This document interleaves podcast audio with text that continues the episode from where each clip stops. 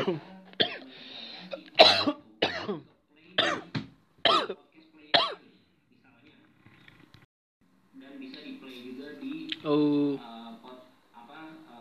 aplikasi iHeart Radio, aplikasi Stitcher dan lain-lain.